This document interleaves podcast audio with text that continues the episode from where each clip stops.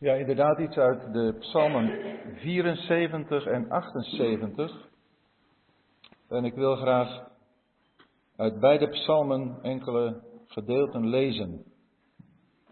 We beginnen met psalm 74. En dan lezen we de versen 1 tot en met 8. Een onderwijzing van Asaf. O God, waarom hebt u ons voor altijd verstoten? Waarom ontbrandt uw toorn tegen de schapen van uw weide?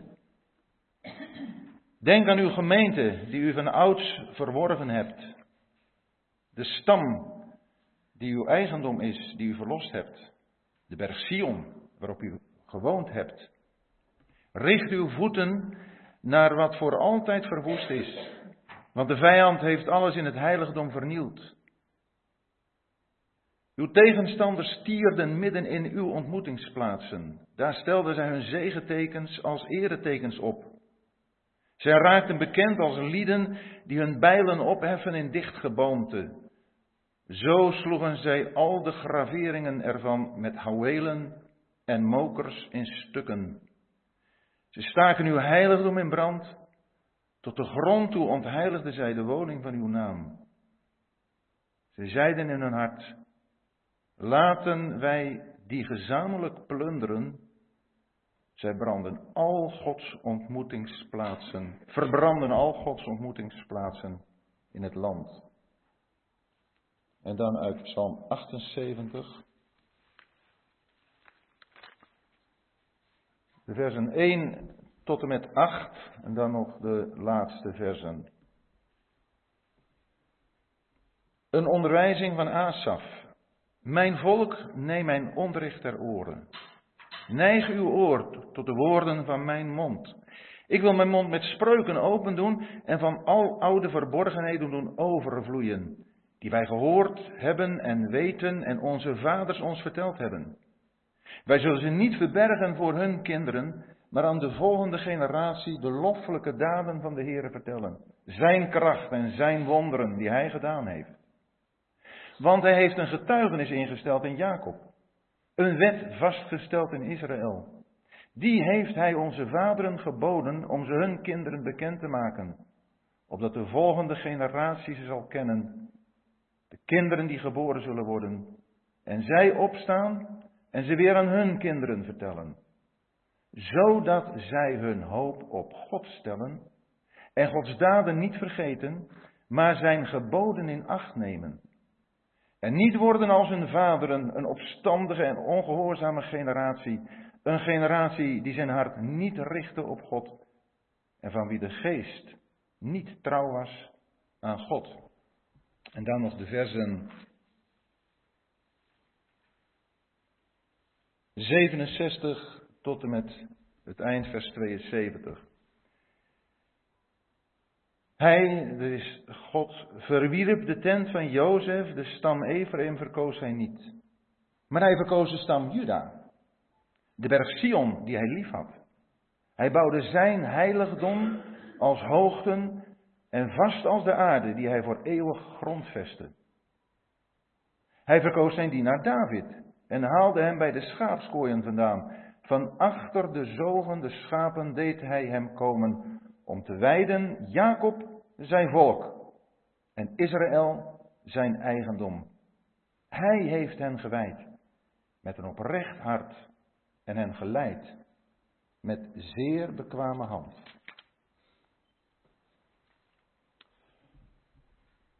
Zoals gezegd willen we in deze avonden nadenken over de zogenoemde maskil psalmen. Of zoals we dat in beide psalmen, de psalmen 74 en 78 aan het begin gelezen hebben, onderwijspsalmen. Maskilpsalmen zijn psalmen van verstandigen om daardoor verstandig te worden. Um, Asaf die heeft twaalf psalmen geschreven. Psalm 50, en Psalm 73 tot en met 83. En de psalmen 73 tot met 83, die maken een hoofddeel uit van het derde boek van Psalmen. We weten denk ik wel dat het boek Psalmen is in vijf aparte boeken ingedeeld. En dit derde boek Psalmen komt overeen met de vergelijking die we kunnen maken met de vijf boeken van Mozes. Dan komt het derde boek van Psalmen overeen met het boek Leviticus. En het boek Leviticus is het boek van het heiligdom. En het heiligdom, dat heeft bij Asaf een bijzondere plaats. Psalm 73, dat is een bekende psalm. Daar weten we van dat Asaf, als hij ziet hoe de goddelozen voorspoed hebben en hij bijna gaat twijfelen aan God, dan, dan lees je daar, ik, ik bijna uit. Hoe kan het nou dat die goddelozen zoveel voorspoed hebben? En dan krijg je dat prachtige vers. Totdat ik Gods heiligdom binnenging en op een einde lette. Ja, je moet in het heiligdom zijn om een goede kijk te krijgen op wat er in de wereld gaande is en op de voorspoed die goddelozen zo schijnbaar hebben. En Asaf, die gaat in Psalm 74 opnieuw het heiligdom in. En wat ziet hij dan? Dan ziet hij vijanden. Die met mokers het heiligdom aan het verwoesten zijn. Nu moeten we bedenken dat Asaf, toen hij deze psalm schreef, hij heeft misschien het begin van de tempel gezien. Want Asaf is een van de zangers die door David is aangesteld om in de tempel die nog gebouwd moest worden, dienst te gaan doen. En hoe kon Asaf nu de dingen beschrijven waar we een stukje gelezen hebben in Psalm 74 en ook verder als we dat gaan lezen, hoe die hele tempel verwoest is. En wanneer is dat gebeurd? Dat is gebeurd in het jaar 586 door Nebukadnezar. En hij leeft in de tijd van David aan het eind. Als je het boek Kronieken leest, ja, is geweldig als je het boek leest. Ook die eerste negen hoofdstukken hoor, vol met namen. Er staan een paar op die zitten daartussen. Maar als je het boek Chronieken leest, dan lees je daar over een David. Van wie het hart uitgaat naar de woonplaats van God. Het heiligdom. David die is daarmee bezig. David heeft zijn gedachten gericht op een plaats waar de ark kan wonen. Die werd in de dagen van Saul niet gezocht. Lees je. En de dagen van Saul stellen de dagen van wanneer het vlees, de mens, het eigen ik centraal staat. Dan wordt er niet gezocht naar de ark, niet naar de plaats waar God woont. En voor ons betekent dat naar de plaats waar de Heer Jezus in het midden is, waar de gemeente samenkomt rondom Hem. Want het heiligdom nu is niet een tastbare tempel, is niet iets wat er prachtig en fraai uitziet en wat gezien kan worden, dat hebben de discipelen ook gedacht. Als je Matthäus 24 leest, dan lees je daar dat ze de Heer Jezus wijzen op die gebouwen en dat geweldige. En de Heer zegt, geen steen blijft op de andere. Die pracht gaat er allemaal aan. Waar het nu om gaat, is een geestelijke tempel, een geestelijk huis.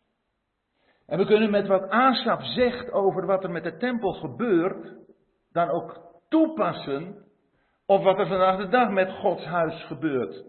De tempel waar God, de Heilige Geest, in woont. Maar hoe kon Asaf dat nu weten? Asaf was behalve een dichter ook een profeet. We lezen in Matthäus 13.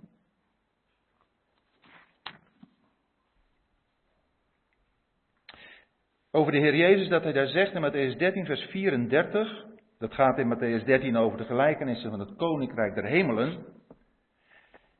Dat de Heer Jezus zegt, al deze dingen sprak Jezus in gelijkenissen tot de menigte. En zonder gelijkenis sprak hij niet tot hen.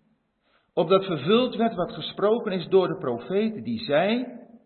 En nu krijg je een citaat uit Psalm 78, wat we met elkaar gelezen hebben. Die zei: Ik zal mijn mond open doen in gelijkenissen ik zal dingen uitspreken die van de grondlegging van de wereld af verborgen zijn geweest. Dus de Heer Jezus noemt hier in Matthäus 13 Asaf een profeet. Want het citaat komt uit Psalm 78. En omdat hij een profeet was, heeft hij dingen gezien die bijna 400 jaar later zouden gebeuren. Dat is Psalm 74.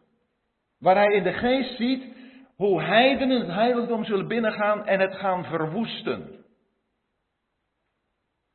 En dat heeft Asaf tot een, een psalm gebracht, maar een, een klaagpsalm. Want, want psalmen zingen is niet alleen maar geweldig jubelen. Psalmen zijn ook soms diepgaande emoties.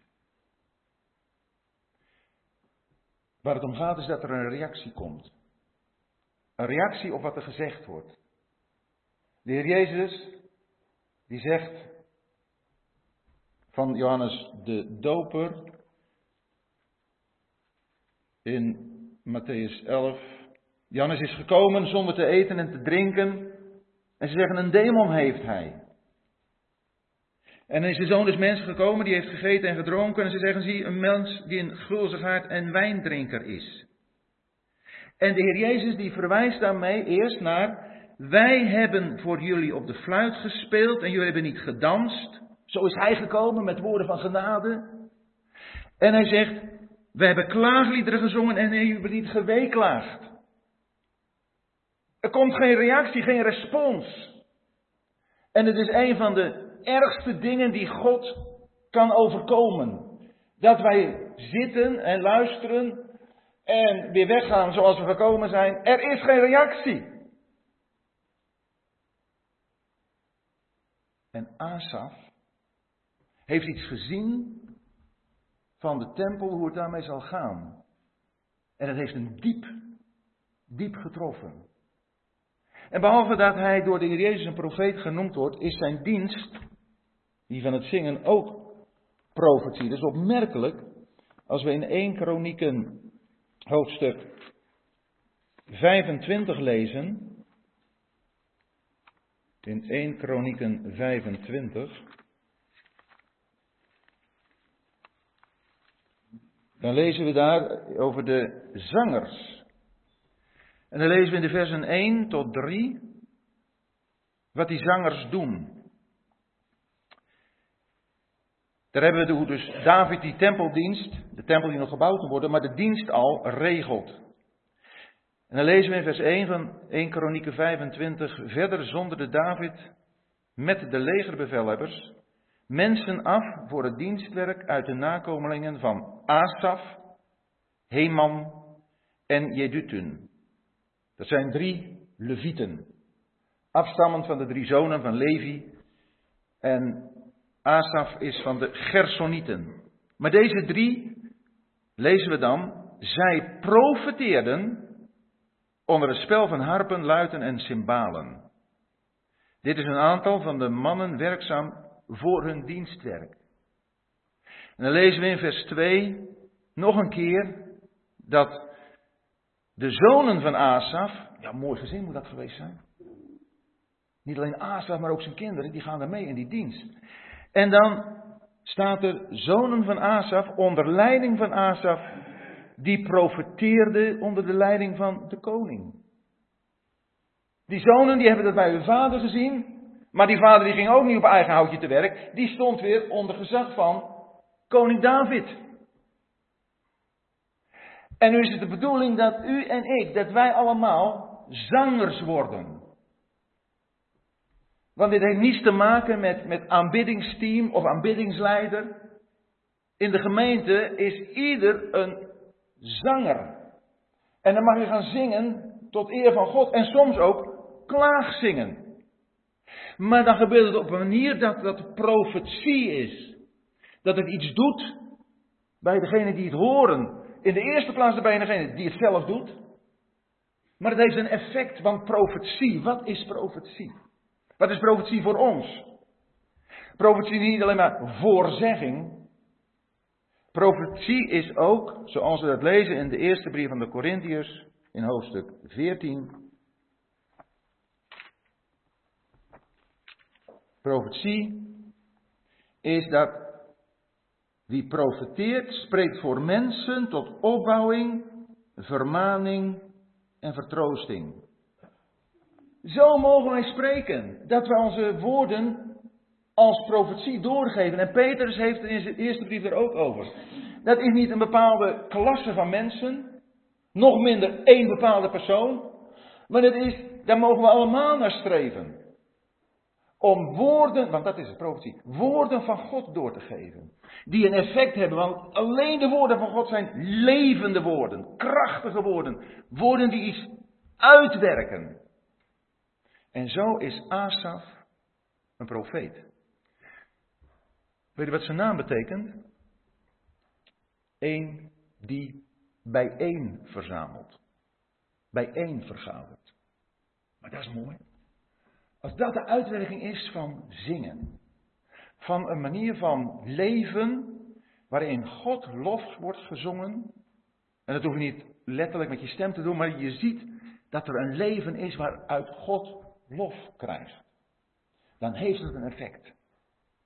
Dan is dat tot vermaning, kan dat zijn, voor iemand die niet zo dicht bij de Heer leeft, om hem weer terug te brengen. Tot bemoediging, tot opbouwing, om, kom op, doorgaan. Hou vol. Of ook tot vertroosting voor iemand die in de put zit. Dat is wat het woord van God wil doen. Die bemoediging, die vertroosting, die vermaning doorgeven. Opdat we met elkaar, dat we samen bijeen vergaderd, bij die ene vergaderd zijn. Niet om een leerstelling, niet om een mens, rondom hem, die ene, de Heer Jezus. Daar gaat het om. Zoals David die dienst heeft ingesteld, stelt de Heer Jezus ook vandaag de dag die dienst in. En als de gemeente samenkomt, dan is Hij het die de opperzangmeester is. Dan is Hij het, zoals in Hebreeën lezen, aangehaald uit de psalmen, die in het midden van de gemeente God lof zingt. En dan mogen we er allemaal mee instemmen. Dan gaat het niet om een mens, dan gaat het om de Heer Jezus. Een geweldige dienst die Asaf heeft. Een geweldig voorbeeld voor ons. En we zien dat zingen ook dienstwerk is, hebben we gelezen.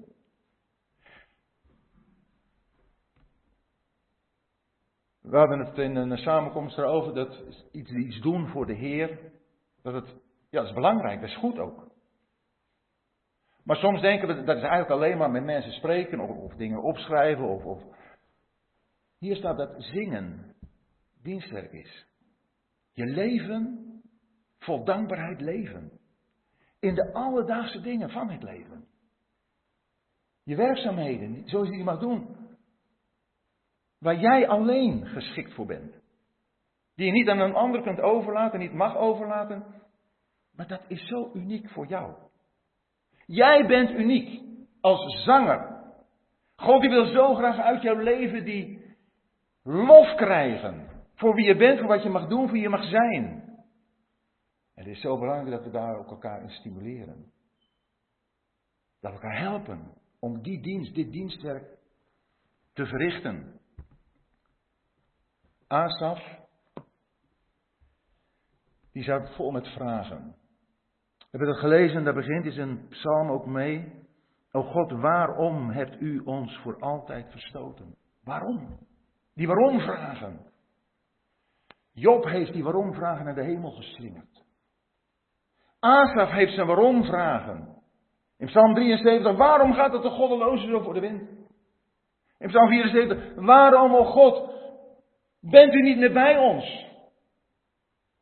Want voor een Jood moeten we begrijpen, was de aanwezigheid van God in de tempel het bewijs dat hij bij hem was. Dat zichtbare. Maar God kan ook uit een plaatselijke gemeente verdwijnen. En God die kan zelfs uit de hele gemeente, in de zin van het huis van God op aarde, geen plaats meer hebben. En als we nu de christenheid in zijn totaliteit zien, is er dan nog plaats voor God? O God. En dat is bij Asaf zo krachtig, dat zullen we straks nog wel zien, ook in Psalm 78. Asaf die sluit zich er niet van buiten. Hij zegt, God, waarom hebt u ons verlaten? Het gaat er niet om te gaan kijken van wat er allemaal overal verkeerd is. Het gaat erom, als het gaat om de christenheid, dan maak ik, dan maken wij die beleiden christen te zijn daar deel van uit. En zien we dan dat er een getuigenis van God hier op aarde is, dat Christus verheerlijkt wordt, dan moeten we toch zeggen, de vijand is binnengekomen. Waarom ontbrandt uw toorn tegen de schapen van uw weide? Waarom zegt Asa dat zo? Hij zegt, oh God, wij zijn toch de voorwerpen van uw zorg. U, u bent toch degene die ons voedt. Die ons geeft wat we nodig hebben. Die ons, Psalm 23, leidt naar grazige weiden, naar stille wateren. Waar bent u nu, o God? Waar bent u? Waarom? Asa weet het wel. Natuurlijk weet hij het. Het is vanwege de zonden van het volk. Maar zijn waarom-vraag gaat over: waarom hebt u ons voor altijd verlaten? Het kan toch niet zo zijn dat God zich niet meer laat zien? Dat God zich niet meer openbaart? Dat kan toch niet? Denk aan uw gemeente. En natuurlijk hier Israël, dat is niet de nieuwtestamentische gemeente. Neem aan dat u allemaal een beetje bekend bent wel met het verschil tussen Israël en de gemeente. Dat in Israël alles uiterlijk was, tastbaar was, zichtbaar was. Terwijl in de gemeente het geestelijk is. Niet om uiterlijke dingen gaat. En Asaf zegt, die gemeente, uw gemeente, die hebt u van ouds verworven. Dat is gebeurd toen, toen hij Israël uit Egypte voerde. Om bij hen in de woestijn een woonplaats te hebben, te midden van hen te zijn. De stam die uw eigendom is. Het is van Hem. Zijn gemeente behoort Hem toe. En als het gaat om de Nieuw-Testamentische gemeente, dan weten we uit Handelingen 20 dat God de gemeente heeft verworven door het bloed van zijn eigen zoon. Zijn eigendom. Een eigendom is iets kostbaars. Wat ons bezit is, dat koesterende. O God. Richt uw voeten naar wat voor altijd verwoest is. Want de vijand heeft alles in het heiligdom vernield. Hij roept als het ware God op, God alsjeblieft. Kijk, u bent toch niet de grote afwezige? U hebt toch wel in de gaten wat er gaande is? En die mensen die daar bezig zijn, dat zijn uw tegenstanders. Als ze die zijn tegen mij, Nee, het zijn uw tegenstanders die keren midden in uw ontmoetingsplaatsen. Wat waren uw ontmoetingsplaatsen? Daar waar God zich met mensen onderhield. En dat was bijzonder natuurlijk in de tempel als het gaat om de voorhof, met zijn volk in zijn totaliteit. En in het heiligdom met de priesters. Maar als we denken aan het toekomstperspectief en als we denken aan onszelf nu, dan denken we de tegenstanders Tieren midden in uw ontmoetingsplaatsen, daar stelden zij hun zegetekens als eretekens op. Is dat niet wat er in de christenheid gaande is? Als de regenboogvlag aan een kerk hangt? Als er in een gemeenschap, die blijkt evangelisch of wat dan ook te zijn,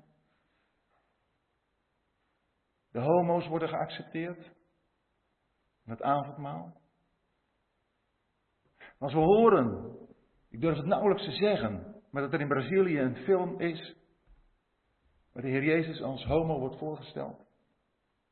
Waar eerst dat er 2 miljoen handtekeningen zijn verzameld.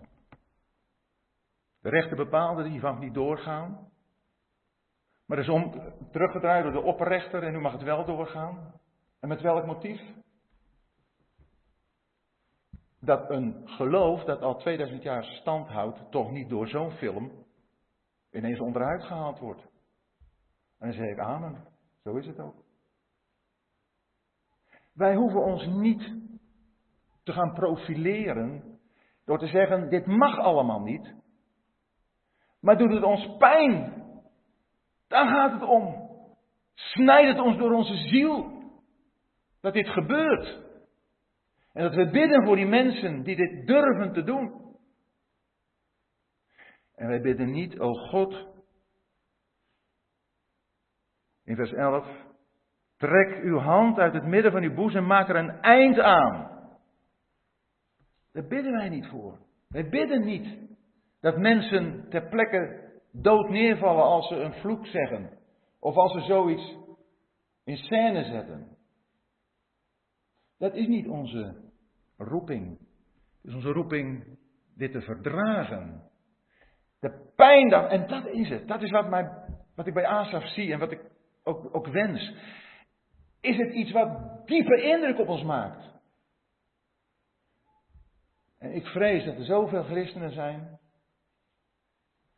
die net als een kikker meegewarmd zijn met het water en niet meer in de gaten hebben dat ze aan de kook gebracht worden en sterven. Je kent het voorbeeld misschien wel, als je een kikker in een heet water gooit, dan springt hij er gelijk uit. Maar als je een kikker in het water laat zitten en langzaam opwarmt tot hij heet wordt, dan merkt hij dat niet. Hebben wij nog de aanvoeling ervan? Van wat de zonde is voor God in zijn gemeente. In wat zijn huis is. Daar gaat het om. Voelen we dat nog aan? Daar heeft Asaf zo moeite mee. En dat is waarom hij roept tot God. Fundamenten worden onderuit gehaald. Al het heerlijke van de tempel wordt verwoest door mensen die Gods heiligdom ontheiligen. Vers 7. Ze staken uw heiligdom in brand. Het is niet alleen maar genoeg dat het vernield wordt, ze steken het in brand en ze ontheiligen het tot de grond toe. Wij moeten niet denken dat we in een christenheid leven waar het allemaal wel wat mee gaat vallen. En als we maar gewoon er tegenin gaan, dan zal het wel het tij wel keren. Dat is niet waar. Het gaat erom dat we erkennen dat Gods werk in de gemeente tot de grond toe wordt afgebroken.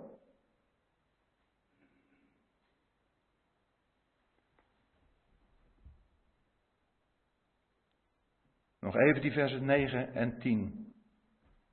Onze tekenen zien wij niet meer, er is geen profeet meer, er is niemand onder ons die weet hoe lang nog. Steeds meer van God verdwijnt uit de samenleving, uit de gemeenten. Talloze gemeenten passen zich steeds meer aan aan de wereld. Bijbelteksten worden daarvoor gemanipuleerd. En onlangs zei iemand in een bepaald geval: er worden zoveel van die S-bochten genomen om uiteindelijk maar uit te komen waar je uit wil komen. Niets is meer zonde. En raakt ons dat nog diep? Elke aanwijking van het woord. En waar begint dat? We gaan naar Psalm 78. Of ook, waar begint dat? In de zin van, waar kan dat een omkeer krijgen? Dat kan een omkeer krijgen als het begint in mijn hart, in mijn leven. Ik hoef niet naar anderen te wijzen en anderen te vermanen. Als ieder van ons het verlangen heeft om niet meegesleept te worden met de stroom van het christelijk denken dat een totaal wereldsdenken geworden is. Dan hebben we een tweede onderwijzing in Psalm 78. Weer een maskil. Weer een psalm van een verstandige die ons verstandig wil maken in een eindtijd. Het is Asaf die begint met te zeggen, mijn volk. Asaf gaat niet buiten aan de volk staan. En hij gaat flink schieten op alles wat er niet deugt in Israël. Hij zegt, mijn volk. Dit woordje mijn is zo betekenisrijk. Dat geeft betrokkenheid aan. Dat geeft aan, ik maak er deel van uit. Ik ben er één mee. En ook, ik heb het lief. Als je spreuken leest, het is me wel eens opgevallen. Dan vind je in spreuken 1 dat Salomo zich tot zijn zoon richt en zegt: Mijn zoon. En in spreuken 31, daar vind je de moeder van koning Lemuel. En die zegt: Mijn zoon. En dat wijst op een relatie. En ik denk dat het daar begint. In de gezinnen, in de huwelijken. Hebben we wel eens tegen onze kinderen gezegd: Jij bent mijn zoon, mijn dochter. Jij bent voor mij zo kostbaar. Ik heb een speciale liefde voor jou. En ook al zou je zes kinderen hebben zoals wij hebben, dan is ieder kind uniek. En dan zeg je, jij bent uniek. Zeggen we dat? Mijn zoon, mijn dochter, mijn geliefd kind. Dat zo'n kind zich aanvaard weet.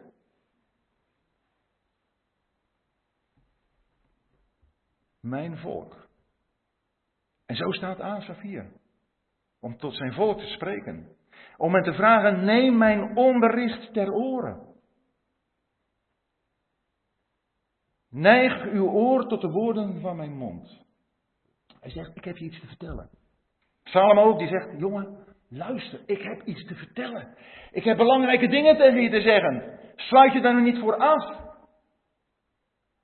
En dat is ook in, toch even nog die familiebetrekking belangrijk. Dat vaders tijd nemen voor hun kinderen. Om bij geregelde tijden een PG, een persoonlijk gesprek te hebben om te laten horen wie de persoon voor hem is en ook te horen wat zo'n persoon misschien aan moeite heeft. Gewoon in die openheid. Maar ik heb je wel wat te vertellen, zegt Salomo tegen zijn zoon. Luister goed. En hier zegt Asaf het. Neig uw oor tot de woorden van mijn mond. Dat betekent niet alleen maar, nou ga maar eens even zitten en ik heb je wat te vertellen. Moet je eens goed luisteren. En luister op een manier dat wat ik je te vertellen heb, ook een verlangen in jou bewerkt om het te doen en naar te leven, daarnaar te handelen. Ik wil mijn mond met spreuken open doen. Nou, daar heb je het woord spreuken. Vandaar ook dat we het hele boek spreuken als het ware daarbij kunnen betrekken. En het woord spreuken, ik ken helemaal geen Hebreeuws, behalve dan bijvoorbeeld één woordje, dat is mashal. Dat woord spreuk is mashal. En de betekenis van dit woord mashal is vergelijken. En wat doet de spreukendichter, wat doet Salomo, maar ook Agur bijvoorbeeld in spreuken 30. Die gaan dingen met elkaar vergelijken. Die zeggen, als je nou dit doet, dan is dat het gevolg. En als je dat doet, is dat het gevolg. Ze leggen dingen naast elkaar.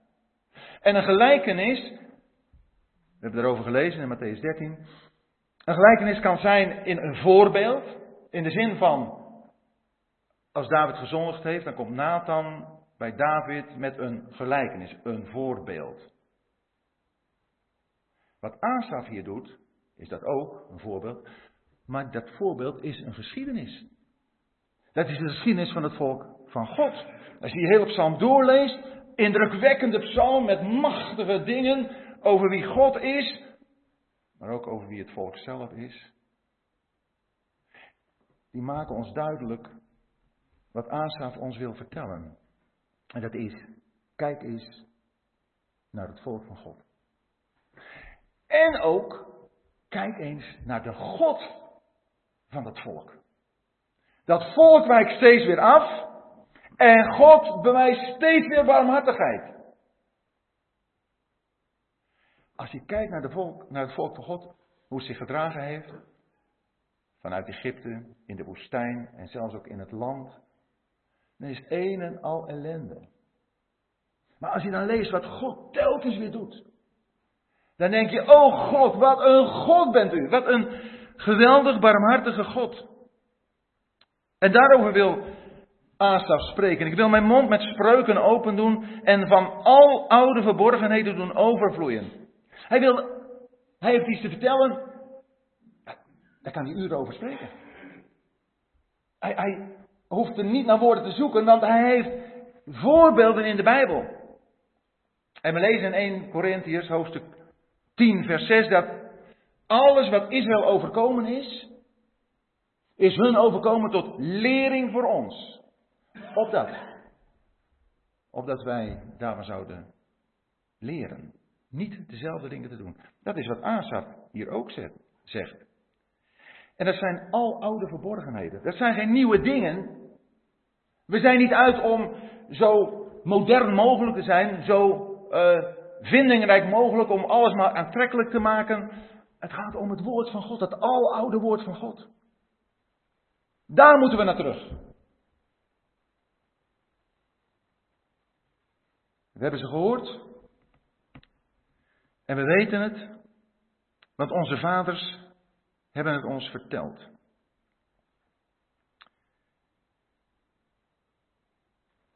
Ik weet niet wie uh, van de of ja, van meerdere niet wie, wie jullie vader is, hoe jullie opgevoed zijn en, en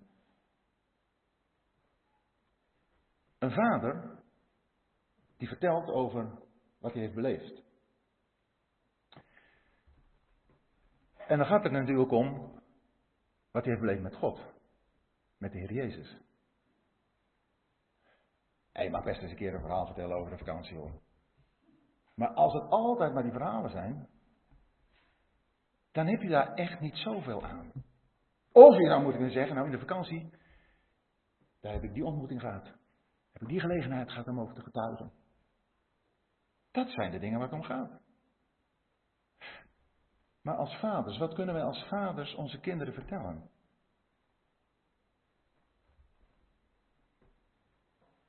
In vers 5 hebben we gelezen.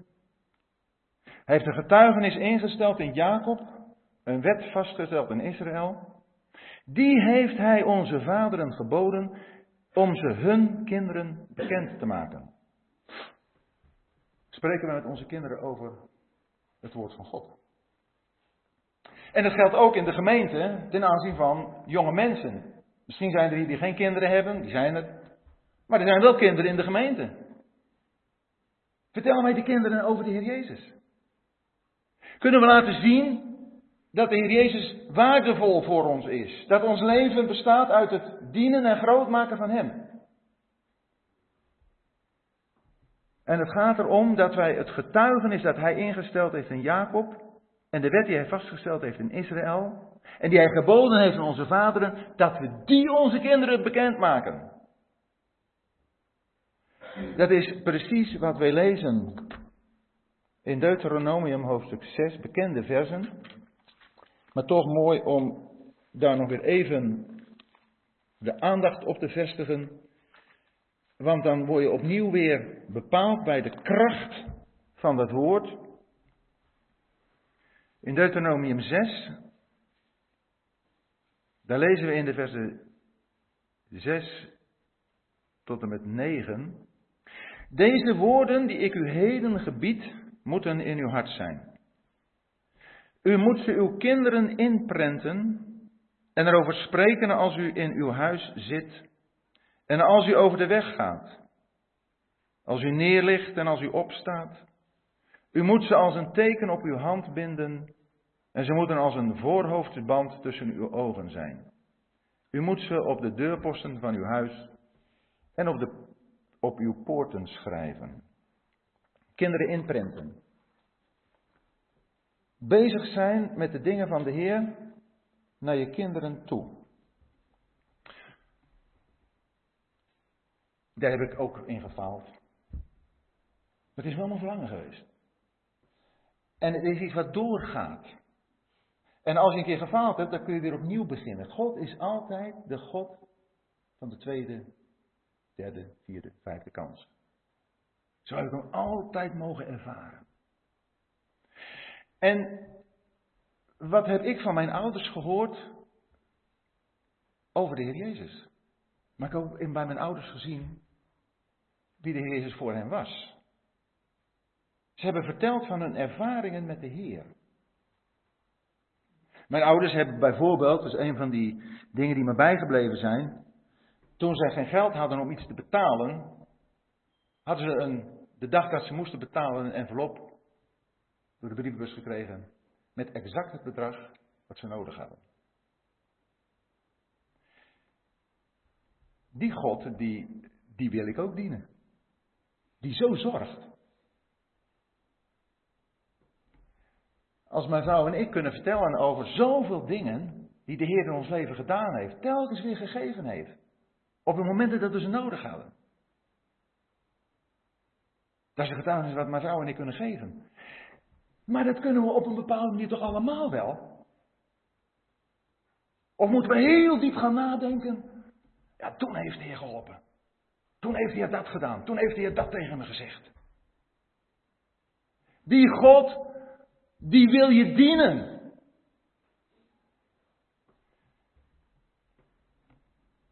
Wij leven hier in een land waar het vrij eenvoudig is, nog wel. Waar zeker wel het huis van God van binnenuit verwoest wordt. En ik heb een paar voorbeelden aangehaald als het gaat om de situatie waarin wij leven. In China bijvoorbeeld, waar we een beetje bekend zijn, daar gaat het op een andere manier. En daar kunnen mensen gevangen genomen worden. Of in Noord-Korea nog sterker. En als er een vader uit een gezin wordt weggenomen en gevangen wordt gezet, wat doet het met die kinderen?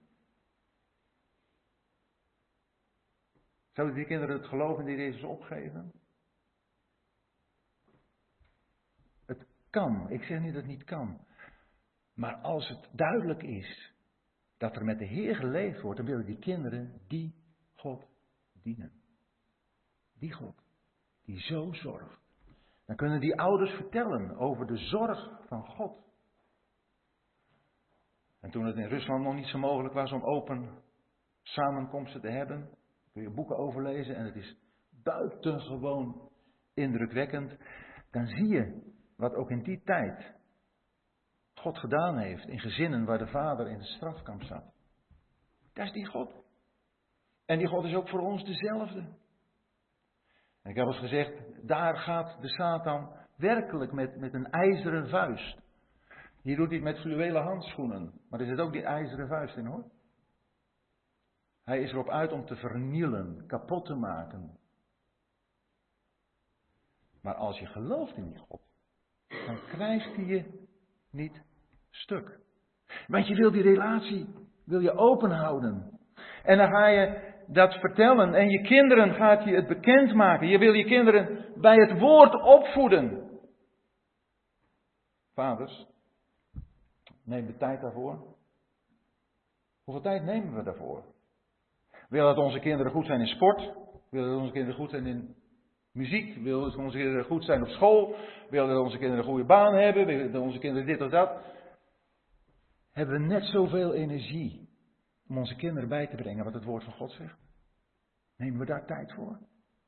Om hen te vertellen over die geweldige daden? De loffelijke daden van de Heer, staat er in vers 4. Wat zijn loffelijke daden? Dat zijn daden waar je de Heer door looft en prijst. Hebben we dat nog? Is daar ons leven nog op afgestemd? En dat is wat Asaf hier door wil geven. Hij wil ons zo, als het ware, meenemen in het vertrouwen op God. En dat gaat de generaties door.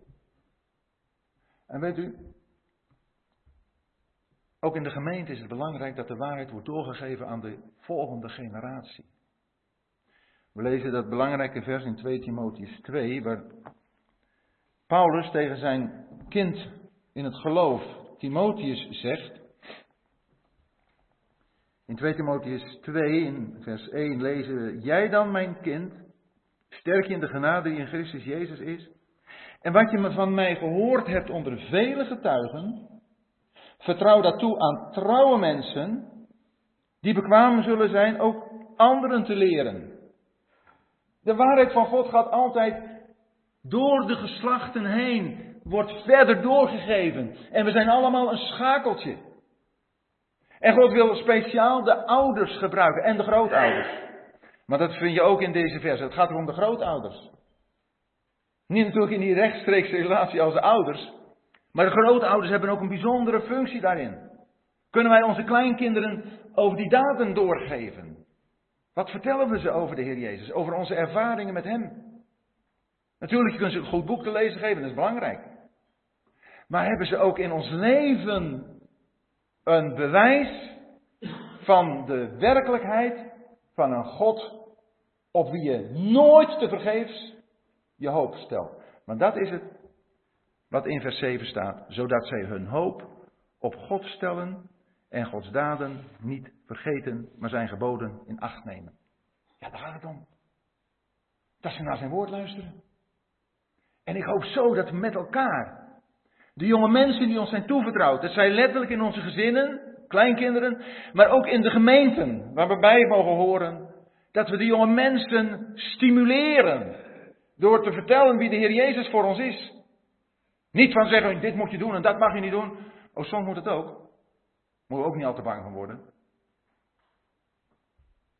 Maar het gaat vooral natuurlijk om te laten zien hoe geweldig het is om die Heer te kennen.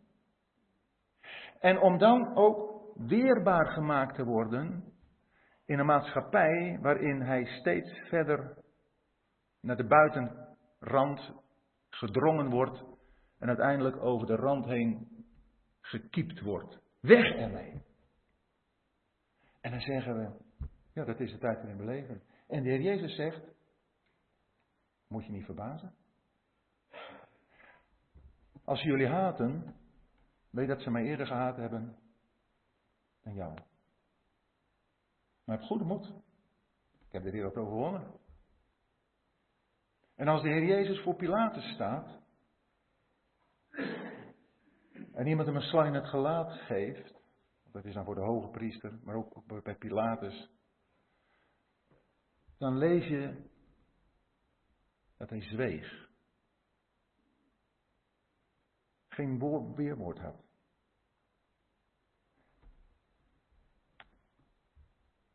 En als Pilatus hem veroordeelt en hem uitdaagt,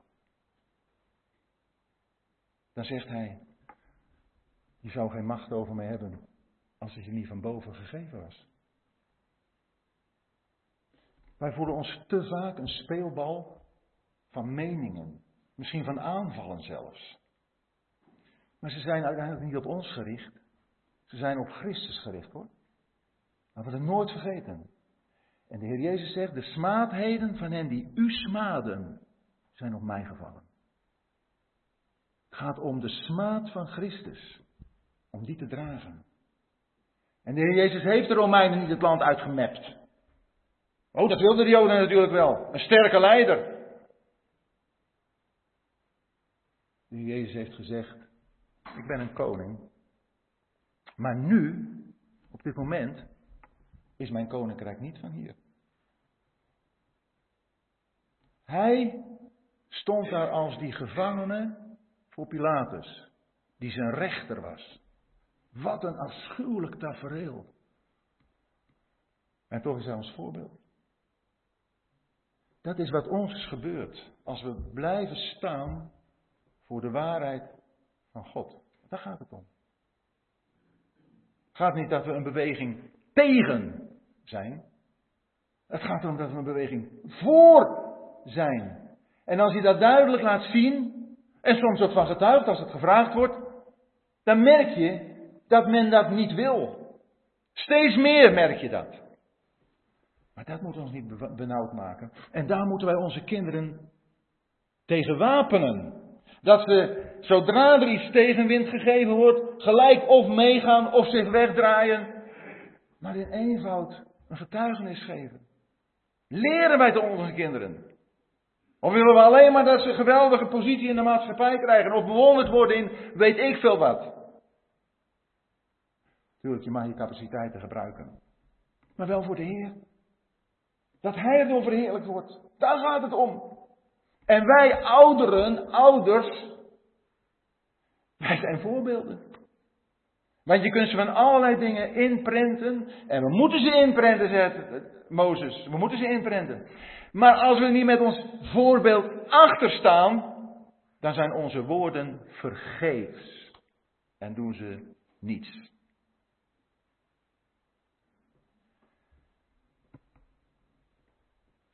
Zodat zij hun hoop op God stellen en Gods daden niet vergeten, maar zijn geboden in acht nemen.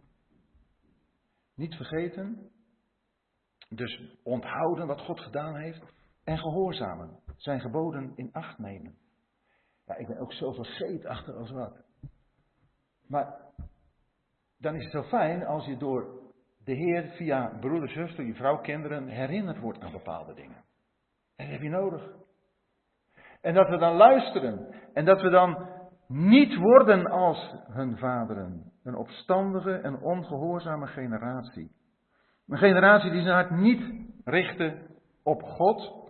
En voor wie de geest niet trouw was aan God. Die generatie die zijn hart niet op God richtte. We gaan heel even naar Spreuken 30. Want daar heeft Agur een woord over die generaties die hij heeft waargenomen in zijn leven.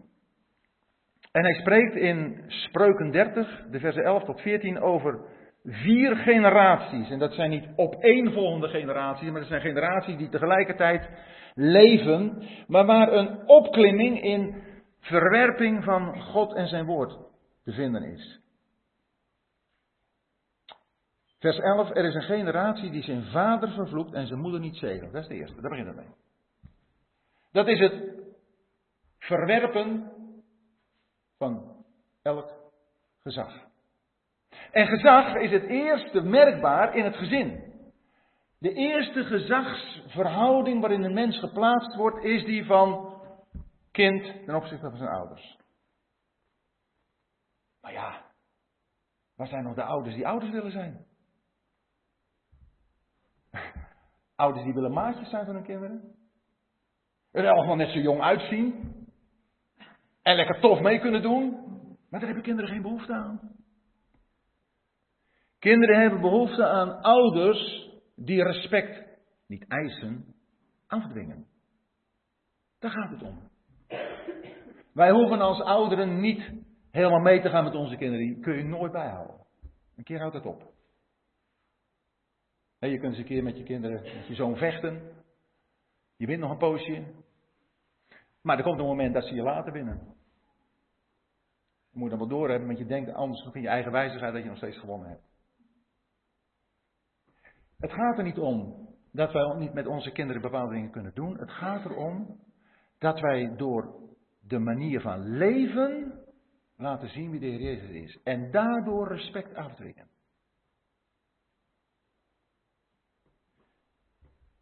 Overigens, onze kinderen zullen met hun kinderen hetzelfde meemaken hoor, als hij hier niet komt. Want daar verliezen ze het ook een keer van. En daarom is het zo belangrijk, ook voor jonge gezinnen, dat ouders van jonge kinderen ook een relatie met de Heer opbouwen. Je hoeft niet en je kunt nooit altijd de betere, de meerdere van je kinderen zijn in intellectueel opzicht. Ook niet in lichamelijk opzicht. Maar het moet zo zijn dat je het bent in geestelijk opzicht. Nogmaals, niet door een bepaalde uh, houding dat je zegt van, en je zult, want ik ben, maar gewoon door, door wie je bent. Ik heb het gezag gekregen. En daarom moet ik dit of dat doen. Niet omdat ik beter ben, maar ik moet het doen omdat God mij dat gezag gegeven heeft. Dat heeft ook met tuchtigen te maken. Lichamelijk tuchtigen, jazeker. Mag nauwelijks meer, maar het moet wel. De schrift is er duidelijk over. Als ik kind niet luistert, moet hij dat voelen. Je moet hem niet doodslaan. Daar waarschuwt de schrift ook voor. Maar het moet wel gebeuren. En ook dat verdwijnt meer en meer. Gezagshandhaving moet gebeuren. En dat is het eerste. En deze generatie, die dus geen enkel gezag erkent, die is rein in zijn eigen ogen, maar van zijn vuil niet gewassen. Dat is de jeugd die alles weet. En die denkt dat, zoals zij de situatie beoordeelt, dat het alleen maar goed is. Ze hebben de waarheid in pacht. En die oude generatie, die oude garde, weg ermee. Allemaal oud vuil. Verleden tijd. Maar als je komt met het aloude woord van God, dan moeten we dat in kracht vasthouden en in rust daarover spreken. En niet alleen maar dat die rein in eigen ogen en dus vuil ook nog zijn, is het ook een generatie van hoogmoed. Een hoogmoedige oogopslag. Ze staan er boven. Gewoon boven de hele samenleving. En dat zie je toch vandaag de dag? Jonge mensen die ouderen totaal verguizen. Ook het gezag in de maatschappij, het verdwijnt. Want de jeugd, die bepaalt het wel. En dan een generatie waarvan de tanden zwaarden de hoektanden messen zijn. Dan komt het geweld.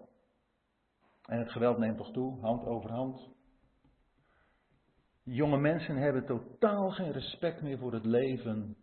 En ze steken of schieten je zo overhoop voor een scooter. Zoals ik las. Maakt niet uit. Want een leven telt niet. Ze hebben geen enkel respect voor het leven. Dat is de generatie waarvan Asaf zegt, die zijn hart niet op God richtte. Waarbij het niet gaat om zoals Spreuken ook dat zegt, uit het hart zijn de uitgang van het leven, dat het op God gericht is. En van wie de geest niet trouw was aan God. Die geest, hè?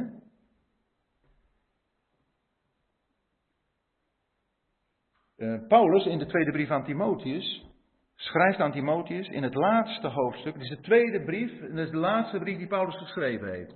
En dat is een brief die gaat over de eindtijd. Die gaat over de laatste dagen. En Paulus zegt in de laatste woorden van deze laatste brief, zijn testament,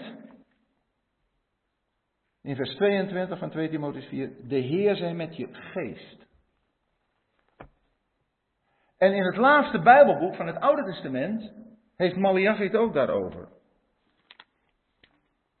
In Malachi, hoofdstuk 2,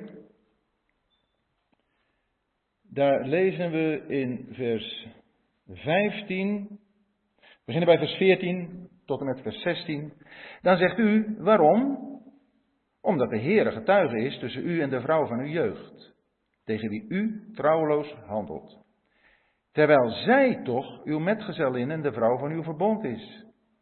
Hoewel hij er niet maar één gemaakt, heeft hij er niet maar één gemaakt, hoewel hij nog geest over had.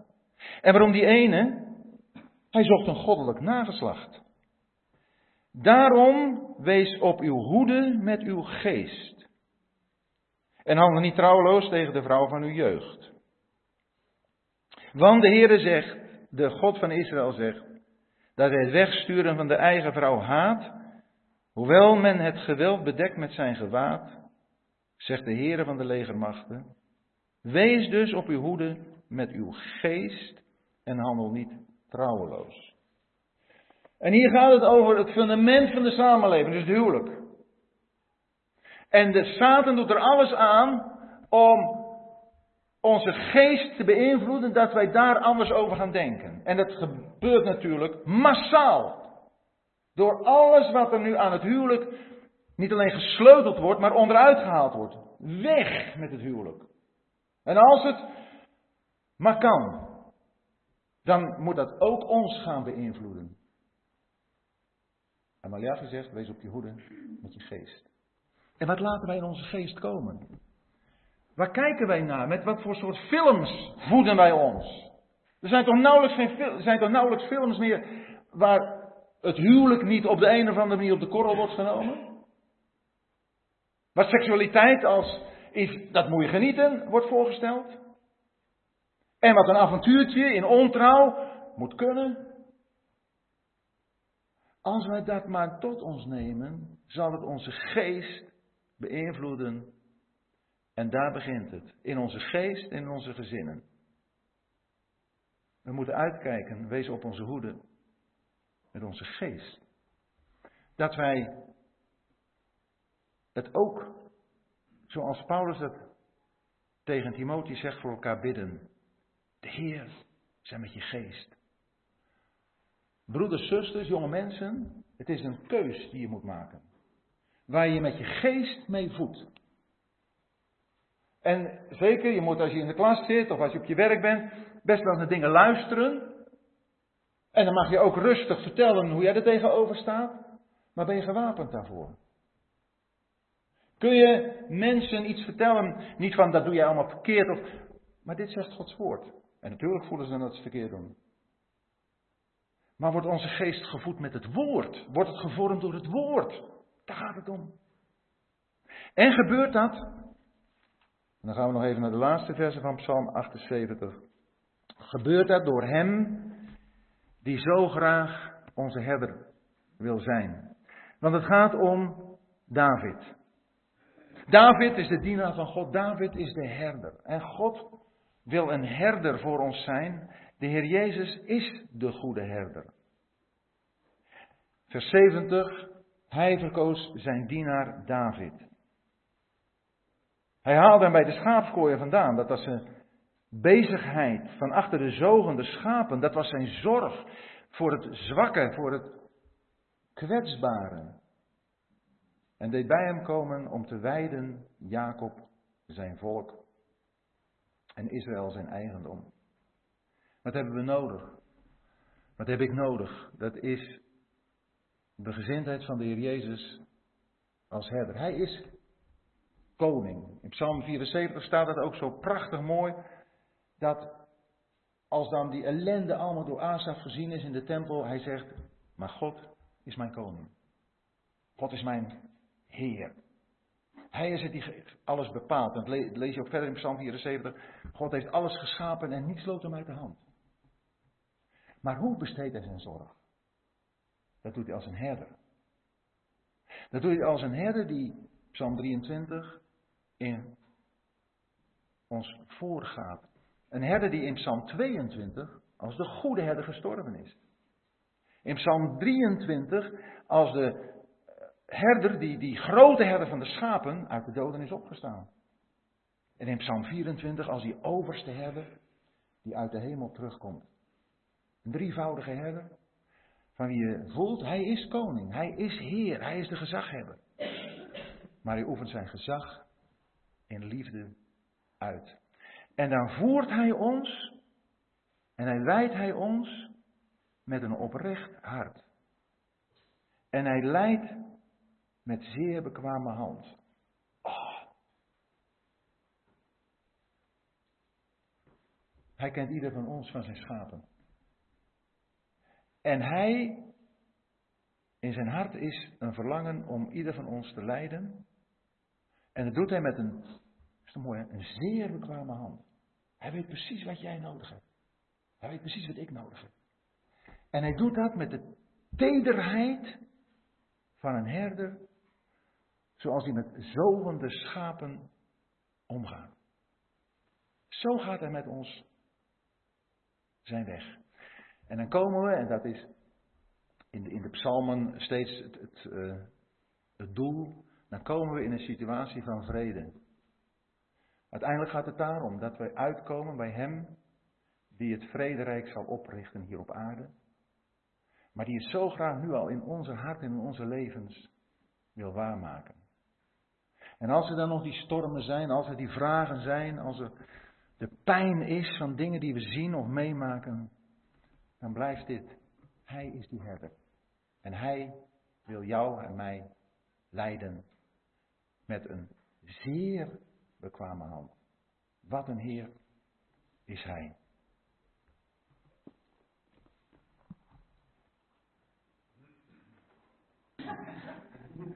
Dus Brand los.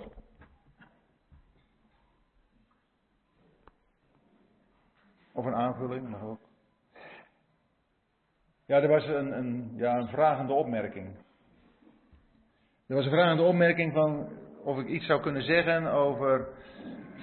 Um, als we in Psalm 74 die verwoesting van de tempel hebben. En dat is dat toch wel een beetje in mineur. Hoe dat toch voor ons ook nog een aansporing, een bemoediging in kan zitten voor de tijd waarin wij leven. En we weten dat de gemeente een grote puinhoop is geworden. In zijn totaliteit. De gemeente als uh, christenheid. In zijn volle breedte gezien. Maar we weten ook dat er in de christenheid toch getrouwen zijn. Trouwe mensen die willen vasthouden aan het woord van God. Die mensen zullen in de eerste plaats treuren. Vanwege de situatie waarin ze zijn. En dat is wanneer ze om zich heen kijken. Aan de andere kant, dit weet dan, zullen ze toch ook zien op een God die dwars door alle ontrouw van ons heen zijn uiteindelijke plan vervult. En nu moet ik ineens denken aan een vers uit Ezekiel. Um, dag 43.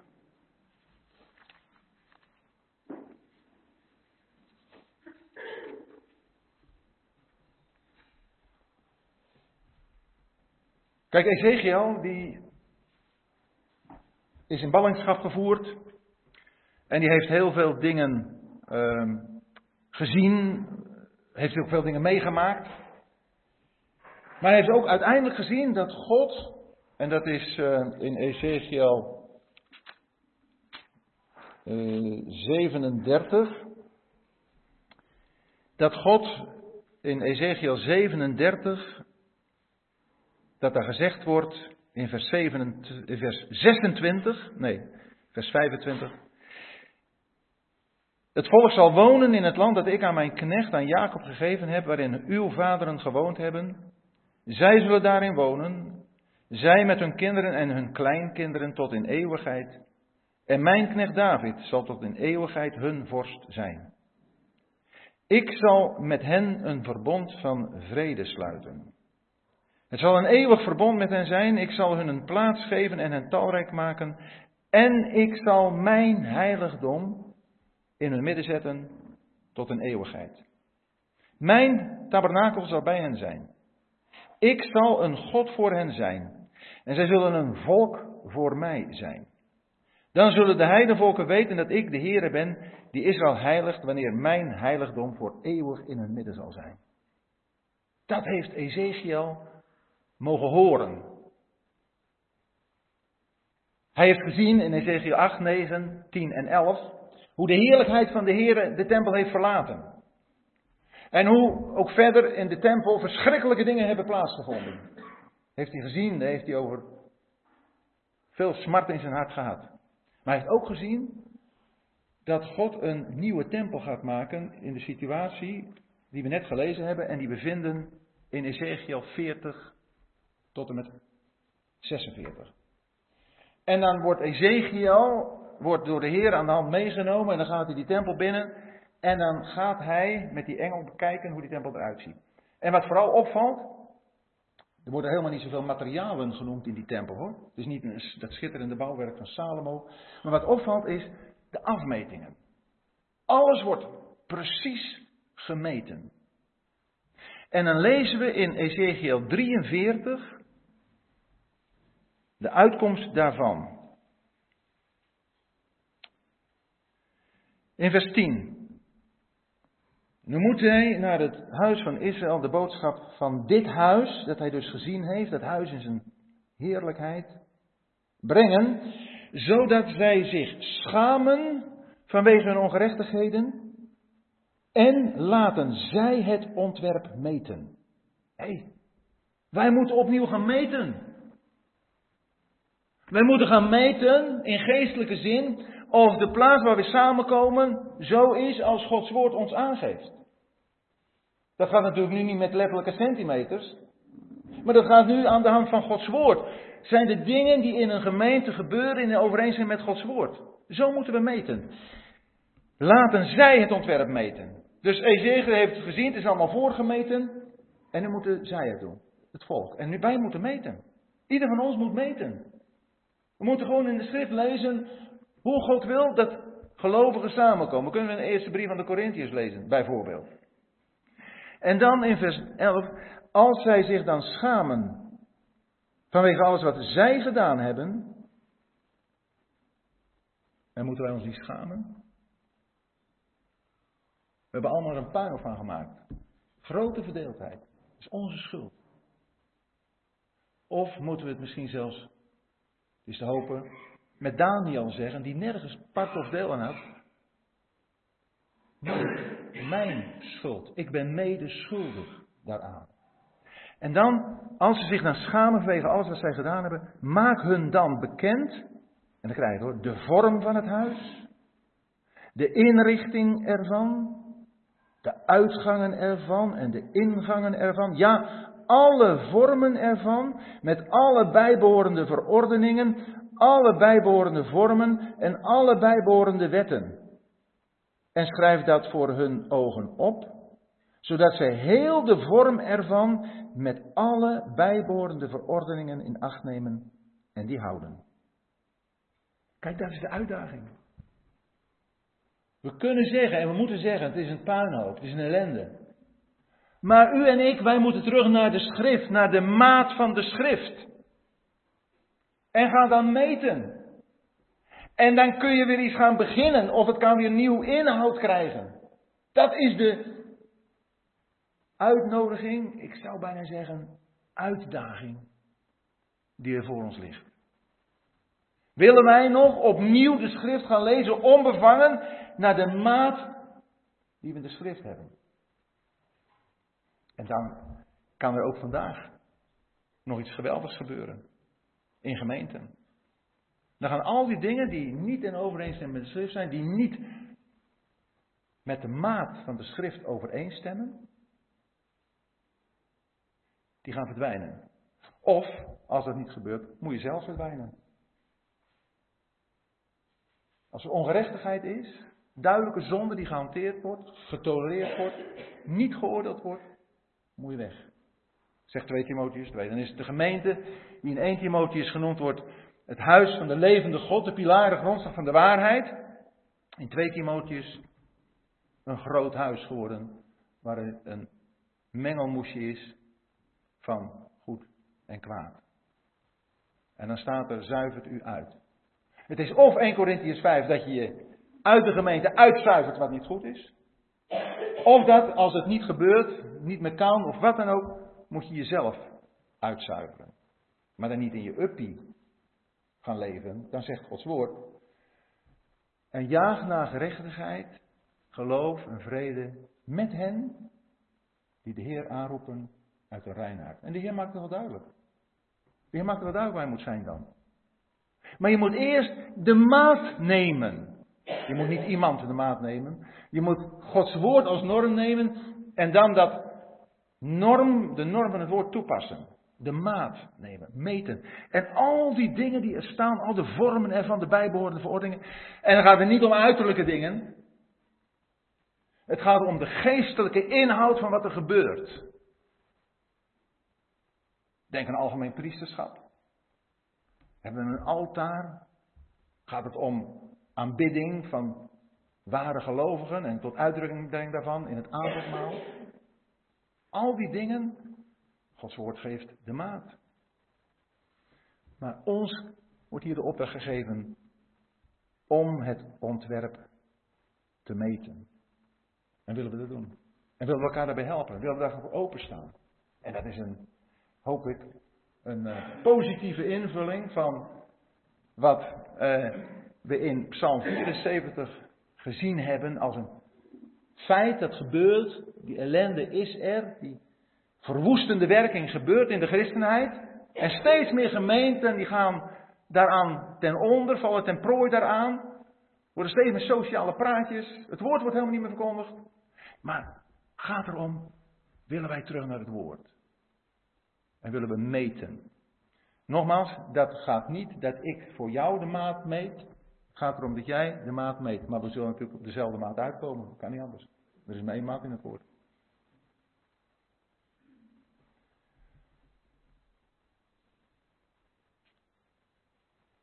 Ja, is daar nog, uh, zijn er nog vragen? Misschien ga je nu met meer vragen naar huis dan je gekomen bent. Dat kan wel. Dat is niet erg, hoop ik maar. Want we kunnen naar de Heer. Ga het woord lezen. En ga eens met anderen over spreken. Moet beweging komen in de harten. En de Heer geeft antwoord. Let wel op wat ik zeg, zegt Paulus tegen Timotheus. De Heer zal je inzicht geven in alle dingen. De Heer. Prachtig mooi. Ja? Zullen we dan nog een lied zingen? Ook een psalm. Wel al 323.